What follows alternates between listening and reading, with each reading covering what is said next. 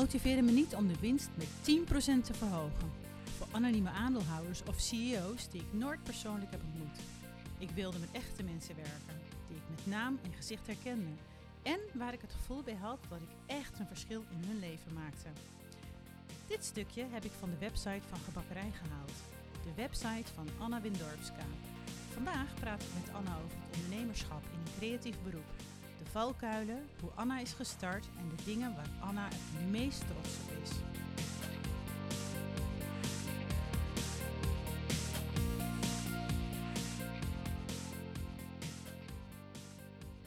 Welkom bij Bakken voor Business, de podcast.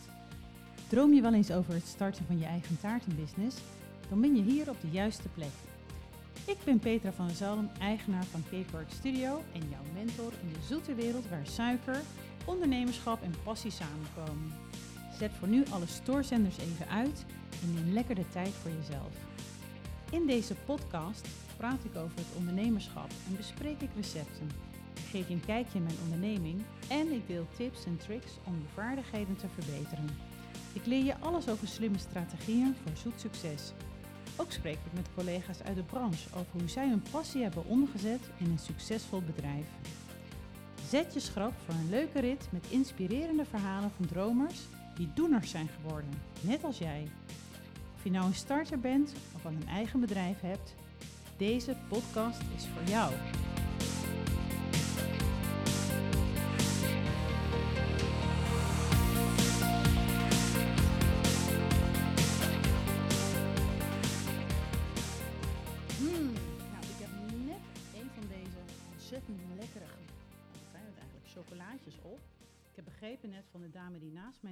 Dat dit gemaakt is eh, eigenlijk eh, waar, van de chocola, de roomchocolade waar ze de chocoladeletters ook van maken. Ik zit vandaag eh, bij Anna. Welkom Anna. Ja, hi. Hi Anna. Goedemorgen. Goedemorgen. Nou, ehm, misschien kun je vertellen wie je bent Ja? en hoe deze lekkere chocolaatjes hier komen. Ja, zeker. Ik ben Anna, eh, eigenaresse en eh, oprichter van eh, Gebakkerij. Gebakkerij is een bedrijf in Nederland gespecialiseerd in uh, bruidswerk. Eh, dus bruidstaarten, sweet tables, zoete bedankjes. Ik zeg ook vaak dat alles wat met, iets met bruiloften te maken heeft en zoet is, dat maken wij heel erg graag. Ik kom oorspronkelijk uit Polen, maar ben in 2009 eh, eh, naar Nederland eh, verhuisd voor de liefde. Mijn man is een Nederlander. Ehm, ja, en eigenlijk misschien ook de belangrijkste ehm, ding over mij ook nog om te vertellen is: ik ben echt gek op eh, eten, goed eten. Niet per se eh, zoet, maar zoet ook. Eh, en dat is eh, eigenlijk de aanleiding waarom eh, we doen wat we doen. Ja, nou, ontzettend fantastisch. Maar jij bent inderdaad eh, naar Nederland gekomen voor de liefde, begrijp ik dan.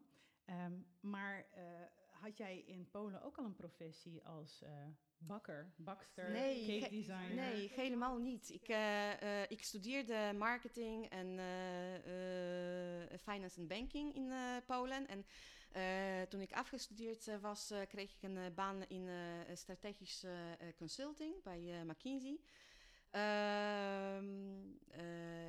En daar werkte ik een aantal jaar. Ik heb ook eh, intussen een MBA gedaan, dus echt, eh, echt de business eh, wereld. Eh, maar op een gegeven moment dacht ik, ik wil niet alleen eh, eh, doen wat andere mensen belangrijk zeg maar, eh, vinden. Ik wil ook voor mezelf kiezen en eigenlijk twee redenen daarvoor. Ik wilde zelf iets meer vrijheid en eh, flexibiliteit eh, in mijn eh, schema. Want Ja. dat is als je voor iemand anders werkt net iets moeilijker. Maar ten tweede, ik wilde altijd bezig zijn met dingen die echt, die ik zelf persoonlijk belangrijk vind. Ehm, en die ik met passie kan, kan doen. En dat is echt werken met individuele mensen, met mensen met gezicht, met me- mensen met naam. Eh, en Ja, die mensen ja. eh, blij maken. Ja, ja, en zoals ik inderdaad in het introductiestukje al vertelde, dat was natuurlijk helemaal niet zo toen jij business analyst was. Dan werk je voor een, eigenlijk een anonieme groep en heb je geen idee Vaak, vaak zo. hoe ja. dat gaat. Ja. Ja. nou dat snap ik wel. Dus het werk moest wat persoonlijker worden. Ja. Had het nog een andere reden ook, dat jij inderdaad overgestapt bent Naast eh, misschien een gezin, eh, kinderen. Nou, dat was inderdaad ook een moment dat eh, ik, eh, eh, toen ik zwanger was met mijn eerste, eerste zoon, toen wist ik al eigenlijk dat ik niet meer terug naar consulting wil gaan. Ik wist nog niet wat dan anders. Mhm. Maar omdat ik altijd wilde een eigen bedrijf te beginnen. En zoals ik al eerder zei, ik ben echt gek op eten, goed eten. Ja. Ehm, eh, het kwam zo dat ik inderdaad eh, op zo'n idee eh, kwam eh, op, om een Om eigen bedrijf. eten- ja, ja, eten te gaan ja. doen. En waarom nou specifiek dan zoetigheden en, en taarten? Is dat toevallig? Dat was wel een beetje een toeval. Want inderdaad, op- in een periode toen ik dacht, ik wil iets eh eigen bedrijf beginnen. En toen wist ik nog niet zeker dat het per se zoet moet zijn.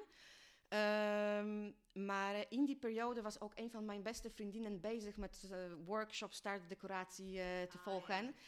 En het klikte op een of andere manier. Ik wist altijd nog van mijn Poolse roots, zeg maar, dat zoet eten heel erg lekker kan zijn en ook heel gevarieerd Mhm. iets meer dat het toen in Nederland was. Ja. En dankzij Gaar zag ik ook dat het ook heel erg mooi kan zijn. Ja. Ja. En dat sprak me ontzettend aan. Ik zag ook, eh, maar het bestaat niet. Eh, in de periode dat ik uh, gebakkerij ben begonnen, toen waren in Nederland wel best wat, misschien niet veel, maar er waren bedrijven die mooie taarten maakten, Dat klopt, ja. maar nog niet lekker. Nee, nou ja, is ook heel eerlijk, moet ik wel eerlijk zeggen, ook een beetje mijn ervaring inderdaad. Want ik pretendeer altijd, weet je, het moet eh, heel mooi zijn.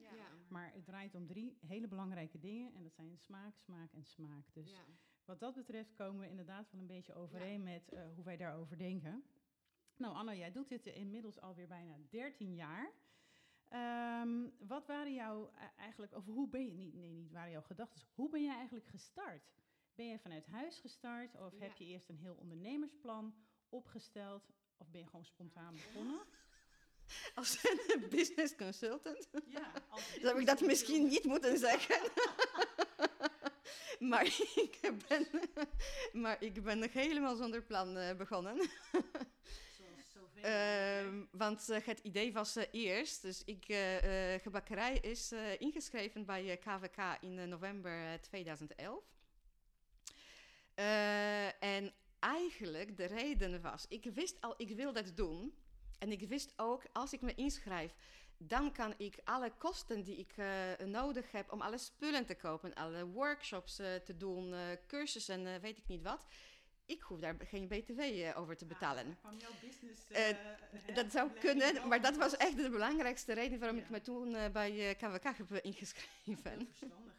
Want mijn idee toen was, ik doe het vanuit huis. Ik doe misschien twee taartjes per maand om een leuke bezigheid naast mijn eh, zoontje, die eh, toen Ja, eh, net één is eh, geworden. Mhm. En het was eigenlijk toen nog niet echt het idee, het wordt een business, het wordt een bedrijf. Het was meer echt nee. een idee, het wordt een leuke hobby. Daar ben je eigenlijk mee begonnen en eigenlijk wel met het idee van nou, ik schrijf me in, want dan kan ik mijn kosten alvast declare- declareren. Wordt het misschien groter? Nou ja, dan heb ik dat allemaal Ja. alvast maar gedaan. Oké. En, eh, en he- heb je dan ook nog heel veel onderzoek van tevoren gedaan voor je bent begonnen? Of eh, ben je gewoon gestart en gaandeweg heb je gekeken van... Eigenlijk de, eh, de belangrijkste onderzoek die, die ik toen heb gedaan was over de... ehm, mag ik het in een eigen keuken eh, thuis eh, beginnen? Ja. Eh, is het toegestaan? Want eh, in die tijd, bijvoorbeeld in Polen, eh, was het niet toegestaan. In Nee. veel andere landen ook niet. In. Nederland wel. Ja. Ehm, eh, maar dat wilde ik wel zeker weten. Ja, dat, ja. eh, dat was iets eh, wat ik wilde niet later spijt hebben dat ik ergens grote boetes moet betalen. Nee, nee. Nou, dat is inderdaad in Nederland anders geregeld. Ik weet dat het in Amerika ook per staat zelfs verschilt. Wat je wel en niet mag, moet je allerlei licenses halen en er moet een controle komen. Je moet echt hele lijsten maken wat wel en niet mag. Nou, dat is in Nederland inderdaad anders. We hebben hier wel te maken, weet ik, met een eh, sociale hygiënewet. Ehm, maar daar wordt niet echt op gecontroleerd. Dus eigenlijk iedere thuisbakker kan gewoon thuis taarten maken en ook verkopen. Oké.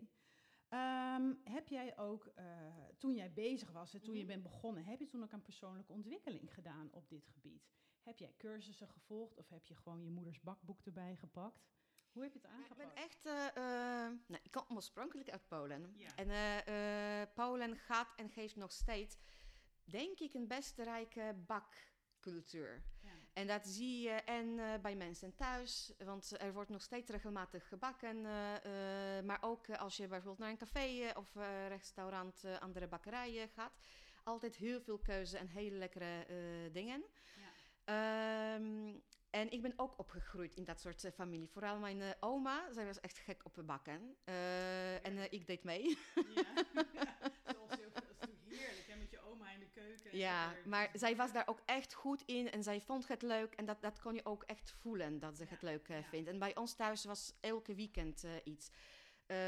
iets lekkers gebakken. Mhm. Want we hadden bijna elke weekend ook gasten. Ja, En voor die gasten moest er ook iets Ja. op tafel komen. Dus bakken kon ik wel. Met het decoreren, om het mooi te maken, eh, wist ik echt absoluut niks.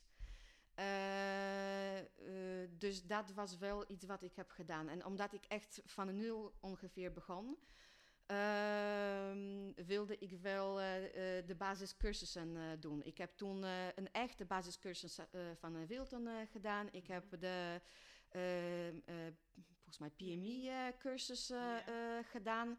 En dat gaf me in ieder geval basis. Ja, Eh, dat als, ja, dat voor, en toen wist ik ook, kon ik veel inspiratie ook van het internet eh, halen. Wat wil ik doen of van andere boeken. Eh, en kon ik dingen uitproberen. Maar ik had inderdaad die basis om ook fouten kunnen maken. Want Ja, ja, ergens moet je ook beginnen. Nee, En er is toen al was ook redelijk veel op YouTube of gewoon op internet te zien. Wel in het Engels, maar dat was in principe ook geen probleem. Nee. Eh, en het was heel veel uitproberen. Echt heel veel uitproberen. Ja, uren draaien. Dat is denk ik Ja. geldt voor heel veel eh, eh, vakken, of ook voor heel veel creatieve Ja. beroepen. Je moet gewoon uren maken om het onder de knie te Ja. krijgen. Dat is het eigenlijk. Dus dat, die vraag krijg ik ook vaak van bijvoorbeeld klanten. Of in ieder geval mensen die nog niet zo veel echt in die vak zitten. Of ik inderdaad cursussen of school heb gedaan voor zoiets. Maar het, bes- het bestond toen niet. En eigenlijk bestaat het nog steeds niet als je bijvoorbeeld bruidstaarten eh, wil maken. Of dat soort gedecoreerde taarten. Nee, er is wel, dat klopt inderdaad, want ik merk ook dat er eh, heel veel opleidingen zijn die wel een onderdeeltje hebben, maar eigenlijk niet zo ver gaan Ja. ehm, met al dit soort dingen. Inderdaad, als een kleine onderdeel dat bestaat op dit moment wel. Ja. Maar eh, Niet als geheel. nee. Eigenlijk Dan moet je ook een hoop andere dingen leren die je nooit Ja. gaat gebruiken. Nee, nou, dat Als dat soort bedrijven in ieder geval. Ja, ja, het is vaak eh, patisserieopleidingen, Ja. die zijn heel breed. Want dan ga je eigenlijk ook in, in gewoon alle eh, eh, koekjes, banket, eh, dat soort dingen. Ja. Je leert natuurlijk wel heel veel basisbeslag eh, maken. Ja. En eh, ja, wat, wat wij misschien niet zo heel veel gebruiken. Ehm, ja, het is toch wel echt anders inderdaad. Ja. Het heeft ook ehm, andere voorwaarden, denk Ja. ik. Hè? Een, een bruidstaart is iets heel anders dan een taartje wat je op tafel zet. Een bruidstaart moet vaak veel langer staan. Er moet aan andere eh, dingen voldoen om Ja. inderdaad eh, er na een uur of twee uur nog representatief uit. eh, ja, De goede Yes. dingen moet bezorgen. eh, dat, dat, dat Ja. soort dingen, dat, ja. speelt allemaal mee. Ja. Inderdaad, een heel, ander verhaal. Nee, ik snap het. En wat is jouw grootste valkuil geweest dan in, eh, in, in of zijn er meerdere misschien? Ik, eh, eh, eh, ik denk, zoals vaak, is het zo dat je sterkste kant ook je zwakste kan zijn. Aha, En ik denk dat hier, dat bij mij ook het geval is. Ik ben een echte doorzetter. Ehm, dus als, ook als dingen misgaan, ook als ik eh, zie, eh, eh, nou, ik heb bepaalde dingen beloofd en ik loop heel erg achter. Het wordt nog steeds gedaan, ook al is het ten koste van mezelf. En dat is eigenlijk inderdaad de grootste valkuil. Het is ook de reden waarom gebakkerij succesvol is. Maar het is ook mijn grootste valkuil. nou, een beetje langere verhaal, ik denk dat we daar nog komen. Maar ik merk inderdaad dat ehm, ik, ehm, eh, als ik iets heb al beloofd aan, aan de klant, dan is niks anders in het leven eh, belangrijker dan dat. Mijn gezondheid is niet zo belangrijk, mijn familie is niet zo eh, belangrijk, de rest van het leven Ja. is niet zo belangrijk. Dat is, dat is belangrijk, want dat is inderdaad echt, Ja. echt beloofd. Ja. Eh, en dat zorgt helaas eh, zorgt ook ervoor dat eh, eh, nou, dan krijg je ook gezondheidsproblemen, dan krijg je burn-out, dan krijg je op een gegeven moment ook iets lagere moti- motivatie. ja. Eh, dat gebeurt natuurlijk niet Ja. van één dag eh, tot de andere. Nee, maar dat is wel een proces. En dit Ja. is denk ik waar heel veel creatievelingen eigenlijk in vastlopen. Want dan, je bent een enorme creatieveling en je belooft dingen. Ja. Ehm, en dat wil je ook nakomen. En ja, soms dan beloof je iets waarvan je denkt, nou dat kan ik wel of dat lukt wel. En dan door wat voor reden dan ook, tijdsdruk misschien, of eh, eh, misschien niet... eh, je maakt iets misschien in de zomer, terwijl het in de winter wel lukt en in de zomer lukt Ja. het niet. Want je hebt met luchtvochtigheid te maken of Ja. wat dan ook. Ja. Ergens loop je tegenaan en dan vervolgens sta je s'nachts nog in de bakkerij. Ja. Gebak, hè, in de gebakkerij. Dus wat ik bakkerij. nog steeds een grote uitdaging vind, Ja. is dat omdat we vooral eh, eh, echte producten op maat maken. Dus elke keer is het iets anders. Ja. Elke keer doen we iets wat we nog nooit eerder precies op die manier hebben gedaan. En als ik dat beloof, soms klinkt het voor mij als een hele kleine aanpassing. En dan tijdens het maken blijkt het, het was toch geen kleine aanpassing. Bijvoorbeeld door de luchtvochtigheid, zoals je zegt. Ja. Of door iets anders. Ehm, ja, en dan moet je het herken het, oplo- ja. oplossen. Ja, ja, nou ja, ik herken het inderdaad. Ja, het is dat, eh, best heel erg lastig. Oh jeetje. Ehm, nou, misschien komen we er zo nog even op terug. Maar ehm, dan heb ik eigenlijk ook gelijk, omdat jij dan zegt dat is mijn grootste valkuil, is het dan ook gelijk je grootste passie, dit, dit beroep wat jij doet? Ik denk dat het niet anders kan. Met- ik, ik, denk, eh, ik denk eh, soms met de hoeveelheid stress die dit werk Ja, eh, dat met zich brengt. Je kan het eigenlijk niet goed doen als het niet ook tegelijkertijd de grootste passie is. Nee, Ja. daar ben ik het helemaal mee eens, want anders hou je het gewoon niet vol. Ja. Oké, nou, eh, het was heel duidelijk inderdaad. Ehm, en dan eh, kom ik gelijk eigenlijk eh, even op een ander ding. Want wat vind je dan je grootste professionele prestatie? te, hè, tijdens, de, Mhm. tijdens al die jaren, al die bijna 13 jaar dat je nu met gebakkerij bezig bent. Wat is dan, Ja. waar ben je het meest trots op? Ik denk dat jij verwacht dat ik nu over één bepaalde bestelling of een andere Nee, taart hoor. eh, iets ga Nee, vertellen, maar dat ga ik inderdaad niet doen. Nee hoor, ik ben heel benieuwd. Want wat ik meest trots op ben, is dat eh gebakkerijen geen eh, soort van één succes is. Eh, maar dat eh, het een bedrijf eh, is die al jaren ehm, en klanten blij maakt. En andere leveranciers, zoals bijvoorbeeld de trouwlocaties. Eh, en al die jaren cons- consistent eh, mensen inderdaad Ja. eh, blij, blij maakt. ja. Ehm, want ja, we, we staan intussen al best wat, best wat jaren. Ik ben niet van een plan om te stoppen. Nee, nou heel goed Anna, want dat is inderdaad ook iets wat mij heel erg opvalt in, in onze branche. Ik zit inderdaad ook al redelijk wat jaartjes. Ik ben inmiddels ook 17 jaar professioneel Ja. bezig. En dan merk je natuurlijk wel dat er heel veel bedrijven komen, gaan en vooral ook met trends. Het heeft ook heel veel met trends te maken. Je merkt in één keer dat er een bepaalde trend is in de markt en daar kunnen mensen blijkbaar makkelijk op inspelen. Die gaan dan ook dat maken, maar dan is het maar vaak heel kort. Want wat veel mensen zich dus ook echt niet realiseren, en ik denk, eh, daar zijn wij allebei, hebben wij daar ook aan geproefd, is dat het gewoon niet meevalt om door te zetten. Omdat het, Ja. dat, het- die grootste valkuil had je het net al over. Je belooft iets en dan lukt het niet, ja, en dan moet je toch. En dan Ja. zijn heel veel mensen die zeggen, ja, ik begin er niet meer aan, wat een gedoe. Terwijl jij dan zegt, aha, nee, dat is mijn eer te na. Ik ga wel door. Ja. Ik ga door, ik heb dat beloofd. En uiteindelijk, door het te doen, leer je ook weer hoe Ja. het dan moet en hoe het beter moet. Ja.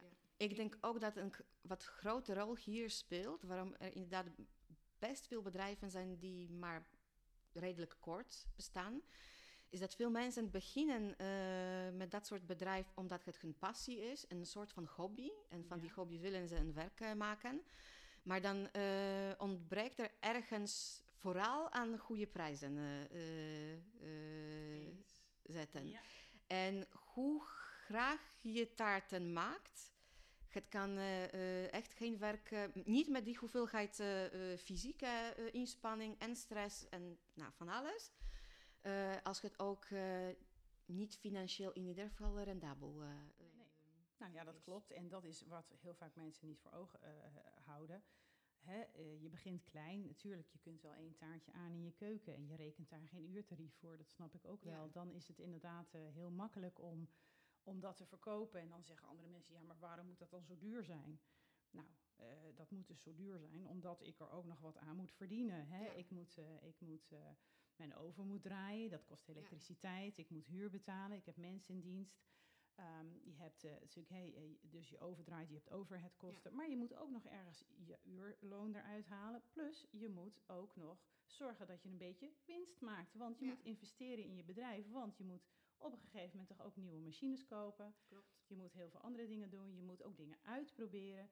Niet elk ding wat Ja. je maakt is gelijk goed. Dus om beter te worden moet je ook oefenen. Je moet heel veel dingen doen. En dat kost gewoon eigenlijk allemaal geld. En die investering, eigenlijk alles wat jij doet, jouw, jouw eh, kennis en kunde, dat moet gewoon betaald worden. Ja. En dat is wat heel veel mensen vergeten. En dat is natuurlijk iets heel anders dan wat er, denk ik, in een eh, fabrieksmatig taartje zit. Hè. Dat, dat, dat komt eh, uit een spuit op de lopende band en dat gaat door een rotatie over. En dan hoppakee, op de band nog een keer gaat een laagje glazuur over. Ja, dat ziet er ook wel leuk uit. Maar A, smaakt natuurlijk nooit zo lekker als dat men hele goede producten gebruikt. Handgemaakt is toch secuurder. En daar komt natuurlijk ook nog bij dat alles wat jij doet, wat ik zelf ook doe trouwens, is natuurlijk allemaal maatwerk. Ja. Maatwerk kost veel meer tijd, want alle taarten moeten En besproken zou, worden. Tenminste, jij zou misschien niet verbaasd zijn, maar veel mensen zouden wel verbaasd zijn. Ik was dat ook. dat zelfs de kleinste aanpassingen eh inderdaad veel geld heel veel kosten. tijd eh, Nou, kosten. Ja. Eh, want eh, ik heb intussen ook bijvoorbeeld een eh, webshop waar mensen ook taarten kunnen bestellen en bijvoorbeeld alleen ze personaliseren met een andere kleur. Mhm. En dan verbaas ik me elke keer hoeveel, tijd, hoeveel extra tijd kost het om dezelfde taart te maken, maar toch in een andere kleur en eh, ehm, eh, Helemaal met je instelling. Ja, ja zo, zo is het ook inderdaad. Dus dat is lastig. Oké, nou dan, dan brengt me dat ook gelijk op de volgende vraag. Want wat vind je dan het moeilijkste in deze branche? Want hè, jij zit eigenlijk voornamelijk in de trouwbranche, zeg maar. Mhm. Je maakt ook wel wat andere, andere taarten Ja. buiten dat om als het wat rustiger is. Ehm, maar in principe ben jouw, jouw core business is eh bruidstaarten en sweet tables. Wat vind je dan moeilijk in deze branche? In de trouwbranche denk ik dat eh, ik eh, het moeilijkst vind de stress die het gevolg is van mijn verantwoordelijkheidsgevoel. Ja. Ehm, naar de valkuil eigenlijk, wel weer. ja, dat, dat, ja ehm, een beetje wel, maar het is ook eh, iets specifieks voor de trouwbranche. Mhm. Eh, omdat eh, als iemand trouwt, het is echt de enige belangrijkste, of in ieder geval een van de belangrijkste dagen eh, in het leven. En het is echt zo'n gelegenheid. Ik mag geen vijf minuten te laat komen, want vijf minuten te laat komen is echt een groot probleem. Eh, en het moet elke keer lukken, omdat ik nooit, kan, nooit kans krijg om het opnieuw te doen. Meest van de bedrijven in andere branches eh, hebben zoiets. Het is oké om 10% fouten te maken. Ja. Maar in onze branche is het oké om 0% fouten eh, te maken. Eh, en dat, dat vind ik, in dat vind ik eh, inderdaad eh, gewoon emotioneel. Vind ik dat denk ik de meest lastige Ja. onderdeel. Ja, nee, dat begrijp ik inderdaad.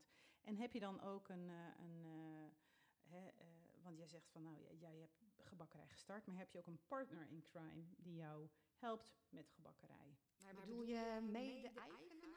Nou, gewoon een partner in crime kun je, kan je echtgenoot zijn, een, een mede-eigenaar. Eh, Nee. Eigenlijk niet. nee. Je- Nee, ik heb, ik heb, wel, ik heb wel de mensen, mensen die mij eh, steunen, die er voor mij eh, ja. zijn. Zoals inderdaad mijn man bijvoorbeeld. Mhm. Maar hij is niet een onderdeel. eh. Hij is geen onderdeel, hij werkt ook niet mee, inderdaad. Nee, hij is geen werknemer. Hij is, ik noem hem eh, vaak een vrijwilliger. Als als, als hulp echt Ja. nodig is, eh, omdat. Ja, precies. Eh, bijvoorbeeld eh, nou, extra hulp met bezorgen eh, van Ja. iets makkelijkere dingen dan. Want hij geen kan natuurlijk niet maar bepaalde, of iets inpakken, gebakjes Ja. inpakken, eh, strikjes doen op zakjes en echt Ja. tijdstekort. eh. Hand- en spandiensten. Ja. Daar komt het op neer. Oké. Nou, dus hij werkt niet mee in het bedrijf. Jouw, eh, jouw partner heeft eh, gewoon een eigen eh, werk, zeg maar. Ehm, maar je bent inderdaad met hem getrouwd in 2008, begreep Ja. ik. Heb jij toen ook je bruidstaart gemaakt? Even een Nee, vraagje gelukkig tussendoor. niet. Nee. Heel slecht idee, denk ik nog steeds, eh, zou het zijn. Ja, Maar sowieso- toch, ik vind het wel grappig. Ja, nee, in 2008 had ik ook niks nog met starten eh, te maken, dus dat Ah, sowieso... oké, eh, dat was daarvoor eh, inderdaad, ja. ja, Ja. nee. Nee, nee, dat niet. Oké. Ik kan me helemaal voorstellen hoor, want een, eh, Ja. je eigen bruidstaart, dat wil, dat wil echt niemand doen. Ik raam het ook zeer zeker af. Ik heb het ook niet gedaan, maar ik hoor wel eens inderdaad van mensen van, nou ja, we wilden het eerst zelf doen, maar toen kreeg ik heel veel stress naarmate de dag dichterbij kwam. Dus dan heb ik nog wel eens last minute aanvragen van mensen dat ik, Ja. dat ik denk, hoezo zo laat? Maar dan is het toch iemand die eh, of de buurvrouw had gevraagd, of ze dacht het zelf te doen en dan Mhm. eigenlijk toch maar niet. Ik kan me helemaal voorstellen, is ook helemaal geen goed idee. Ehm, dan even wat anders, want in onze branche zie je ook heel veel nog eh, wedstrijden en competities. Doe je daar wel eens aan mee? Ehm, nee, tenminste op dit moment niet. Nee. Ik deed eh, mee eh, met één wedstrijd, intussen al een paar jaar geleden, in 2015 volgens mij was het. Voor de beste trouwspecialist eh, van Nederland in de bruidstaarten. Ja. Georganiseerd toen nog eh, door de Nederlandse trouwbrancheorganisatie. En er is wel een hele duidelijke reden voor mij waarom ik het toen wel heb gedaan en eh, nooit meer. Mhm. Eh, omdat dat de enige, tenminste tot zover ik weet, de enige wedstrijd was die in mijn ogen gebaseerd was op ehm, echt, echt werk. Hoe goed ik mijn werk doe Mhm. en niet zomaar een publieksprijs. Eh, Nee, ik ben niet- veel ziet, ja. ik ben niet van publieksprijzen. eh, hoe krijgt meer likes en eh, Nee. volgers en dat soort dingen. Dus Nee, alle wedstrijden waar je moet jouw volgers vragen en nu moeten jullie op mij stemmen. Ik vind dat een beetje verspilling van mijn eigen tijd. Zegt heel erg weinig over de kwaliteit van ons werk. Eh, dan eh, eh, kijk ik liever naar mijn reviews van de- mijn eigen bruidsparen. En ik zie dat gebakkerij ehm, eh, intussen al een paar jaar of nummer Ja. 1 of nummer 2 in Nederland is gebaseerd op die ervaringen. Dat is voor mij wel een Ja, echte ja. belangrijke wedstrijd dan. Nee, nee, dat snap ik inderdaad. Maar ik neem aan dat deze wedstrijd jou wel een boost heeft gegeven. Eh, ja, zeker. Toen hebben wij dit ook eh, eh, gewonnen. dus Ja, dat was inderdaad. en juist omdat het gebaseerd was en op een bedrijfsvoering, maar ook ehm, de tweede etappe was echt een live interview met specialisten op bepaalde oppervlakken. Dus iemand die echt, eh, eh, eh, patis- echt een goede patissier, een hele bekende in Nederland was, chocolatier en ook iemand die wat meer in de- van de businesskant kwam. Toen moest ik ook echt de bruidstaart maken. die hebben zij geproefd. En gebaseerd op een echte bruidstaart. Hoe hij eruit zag, hoe hij smaakte. En ook wat mijn verhaal was. toen was de keuze genomen. Ja. En dat betekende inderdaad iets voor mij. Ja, begrijp ik heel erg goed. Nou, dat is ook heel erg inderdaad, want dat is ook, dan komen we weer terug eigenlijk een beetje op de basis waar we het dan over hebben ook. Dat het Ja. mooi moet zijn, maar vooral ook heel goed moet smaken. Ja. En daarvoor waren deze professionals uit de branche natuurlijk Ja. uitgenodigd om dat te beoordelen. In plaats van eh, dat er weer een of andere, eh, want die zijn er best wel veel, dat je, dat je allerlei awards kunt winnen waarvoor je eigenlijk je volgers moet oproepen om maar op jou te stemmen. Ja, is natuurlijk best heel leuk, maar eigenlijk zegt het helemaal niks over de kwaliteit van je werk Ja. en wat jij inderdaad eh, eh, in het dagelijks leven ook doet. Oké, nou ja, dat is natuurlijk wel, want dan hebben we het gelijk een beetje over social media en, en zo. Gebruik jij social media? Ik zie jou op Ja. Instagram. Ik ben begonnen eh, met Facebook. Op Instagram zag ik heel lang niet. Toen kwam corona, had ik iets meer tijd. Ja. En dat was ook voor mij het begin van Instagram. En eigenlijk ben ik nu helemaal eh, ook eh, verkocht. Eh, eh, en Instagram is op dit moment eh, naast mijn website en naast nog eh The Perfect Wedding, die ik ook eh, gebruik als een, een van de belangrijkste promotiekanalen. eh, ook een van de belangrijkste bronnen van eh, klanten. eh. Ja. ja. Oké, nou ja, eh, hartstikke leuk natuurlijk, want je kunt daar heel veel werk en misschien ook wel een beetje van jezelf laten zien. Eh, Ja. Dat is eigenlijk inderdaad wat ik op Instagram het leukst vind. Ik ben niet zo gek op Instagram en die feed, want daar moet je een soort van die perfecte plaatje laten eh, zien. Een soort van uh, weer publiek. Stories vind jij dus ik vind de stories geweldig, omdat het uh, inderdaad heel laagdrempelig is een echte leven laten zien. Ja, of tenminste kan echt leven ja. zien. Dat, dat nou ja, je filtert er wat minder op inderdaad. Ja. Want ik denk inderdaad in je feed, uh, daar maak je het perfecte plaatje, om Ja. zo maar te zeggen. Wat natuurlijk ook heel aantrekkelijk kan zijn. Echter, in jouw feed zien de mensen hoe het er echt aan toe gaat. Ja. Hè? Ik zie wel eens een inkijkje in de bakkerij. eh, een, een stukje van het maakproces. eh, Anna die onderweg is. Of Anna die eventjes eh, vrije tijd heeft met haar kinderen. eh, Of uitgeput op de bank hangt. Heb ik ook al gezien. Ja, Maar wel leuk natuurlijk. Nou, ik denk Ja. persoonlijk ook dat mensen dat heel erg leuk vinden. Want mensen die jou volgen, vinden het uit...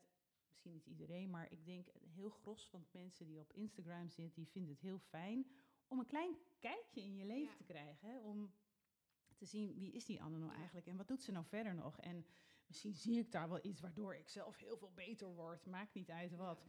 Maar ze zien daar ook de Anna die heel moe is na eh, Ja. 800 chocoladeletters gemaakt te hebben. Nou ja, dat is wel Ja. een beetje real life natuurlijk. Dus, eh, En het is ook leuk, want wat ik ook eerder heb eh, gezegd, ik vind het inderdaad uh, superleuk om uh, taarten, gebakjes maken voor echte mensen. En uh, Instagram, omdat het ook zo laagdrempelig voor de, is voor de kijkers, uh, het betekent dat ik uh, heel veel leuke gesprekken uh, kan hebben. En inderdaad bouw je die relatie, Ja. Heel andere relatie met je klanten, kijkers, nou, Ja. hoe je dat zou noemen. Ja, nou op. Dat is Ja. zo inderdaad. Nou ja, eh, daarop op, op denk ik altijd, ja, maar wij hebben natuurlijk wel heel veel eenmalige klanten. Dus wat, wat best wel lastig is, denk ik, hè, in die trouwbranche, als de meeste mensen trouwen maar één keer. Uitzonderingen daar gelaten natuurlijk, maar Ja. Ja, die moet je natuurlijk wel naar je toe trekken. Maar het is dus ge- geen repeterende klant. Dus eigenlijk moet je heel veel moeite doen om iedere keer weer een nieuwe klant aan te trekken. Of zie je dat anders? Het, uh, uh, nee, ja. en het was ook voor gebakkerij waar tot uh, corona. Omdat tot en met 2019 was ongeveer 95% van onze business echt bruiloften.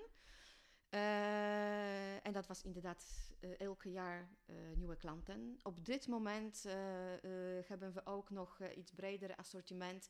En ik vind het ook extra leuk dat juist mijn bruidsparen terugkomen voor een gender reveal, voor een verjaardagstaart of voor een verjaardagstaart voor hun kind. Uh, en niet alleen maar voor jubileumtaart, wat natuurlijk wel uh, eerder gebeurd is, maar echt, uh, ja, omdat we veel Dus breder breder. assortiment Ja. hebben, Ja. begint het ook een echte relatie ja, ja. te worden met... Nou, met, de met klant. klant, Ja, ja. dat is ook zo. Maar goed, dat, dat breder assortiment, dat kun je nu ook bieden, want jij bent niet meer alleen in, Ja, de, klopt. in de bakkerij. Jij hebt inmiddels mensen Drie. in dienst. Ja, Drie Ja, zelfs. drie uh, werknemers die inderdaad, uh, drie dames die samen met mij uh, in de keuken uh, staan. Nou, ja. Best wel heel wat inderdaad. Ook een hele verantwoordelijkheid, denk ik zo. Dat is inderdaad een enorme verantwoordelijkheid. Uh, ja, behalve dat het leuk is en ik ben heel erg blij met de keuze, het is ook een verantwoordelijkheid. Ja, want de business moet nu wel echt draaien. Je kunt niet meer zeggen, nou ja, vandaag maar geen taarten, want ik heb er niet zoveel zin in. Maar nu moeten er ook inderdaad uh, ja, Ja. mensen die, die, die werken voor je, dus die moeten Ja. betaald worden. En dat salaris moet natuurlijk Ja, ook uitbetaald klopt. worden. Nou, in- interessant inderdaad dat jij van helemaal alleen nu al met drie mensen in die keuken staat. Ehm, ik ga toch nog eventjes terug naar eigenlijk eh, die hele trouwbranche Mhm. weer. Ehm, trends eh, en invloeden Mhm. van de trouwbranche. Spring je daarop in? Doe je daar wat mee? Ik volg het wel. Ik vind het heel erg interessant. Sowieso vind ik dat ik veel moet weten. Niet alleen over de taarten, maar over de branche zelf. Want uh, dat alles helpt mij om de beste advies aan mijn uh, bruidsparen uh, te geven. Maar ik ben uh, niet iemand en ik wil ook niet een bedrijf hebben die elke jaar een heel andere stijl taarten aanbiedt. Mm -hmm. Ik wil het wel kunnen. Dus als bruidsparen naar mij komen en ze willen iets wat in die nieuwe trends past, wil ik technisch daarop voorbereid zijn. Ja. Um, dan kijk je wel en dan ga je er wel, je, gaat, je houdt het in de gaten en uh, met vragen beoordeel je of je dat wel of niet wilt gaan doen. Ja, want ik doe ook niet alles. Ik, eh, eh, sommige van die trends passen niet bij mij of eh, wil ik dat misschien voor één keer uitproberen en dan zeg ik nou, was leuk voor de eerste keer, ik moest het zien, uitproberen, maar, maar ik ga het niet verder ergens verkopen.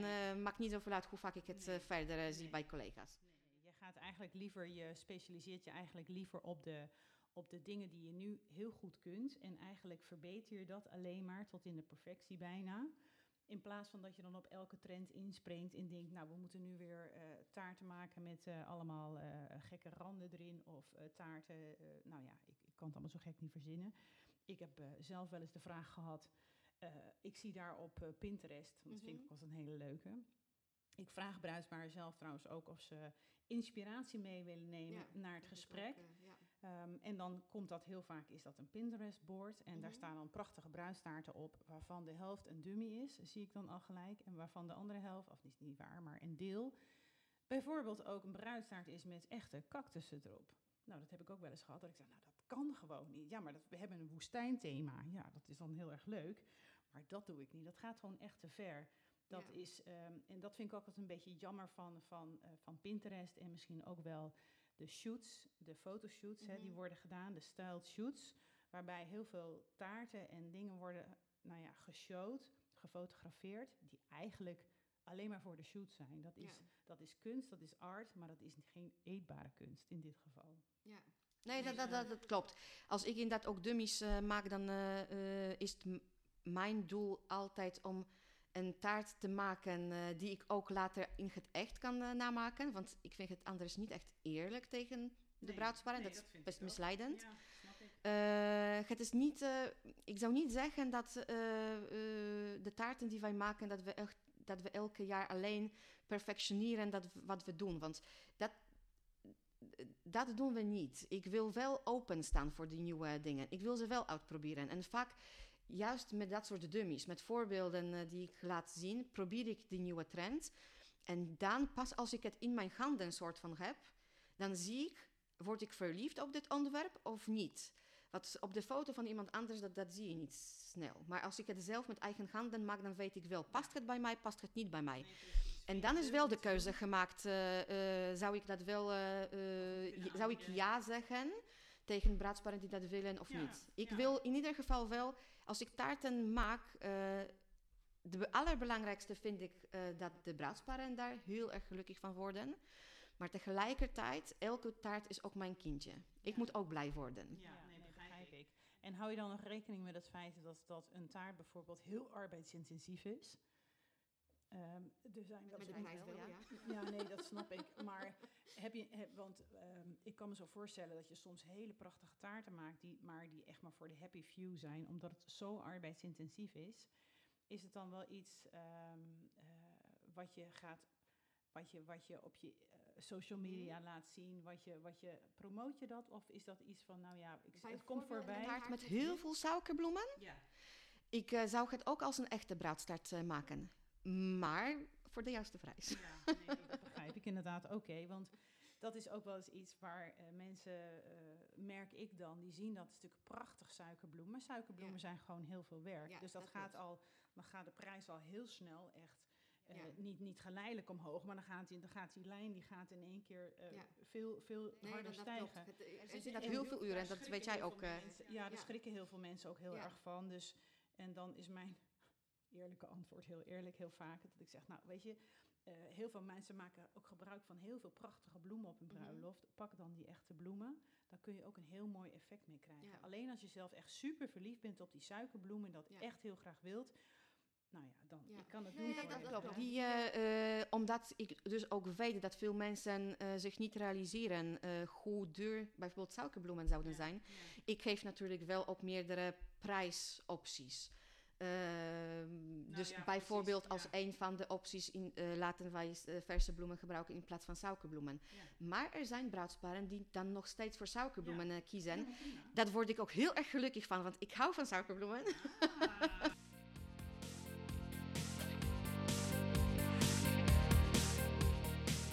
Tot zover deze aflevering van Bakken voor Business met Anna Windorpska van Gebakkerij. Er volgt ook nog een deel 2 Dus ben je nieuwsgierig naar de rest van ons verhaal? Luister dan binnenkort naar de volgende aflevering. En heb je nog iets opgemerkt of wil je nog iets vragen? Je kunt me bereiken via mijn website www.cakeworks.nl of via de mail petra.cakeworks.nl. En ben je nou nieuwsgierig geworden en wil je nog meer weten? Kijk dan op de website van Cakeworks onder het kopje Academy. En heb je genoten van deze podcast? Laat dan een review achter. Dankjewel en tot de volgende keer.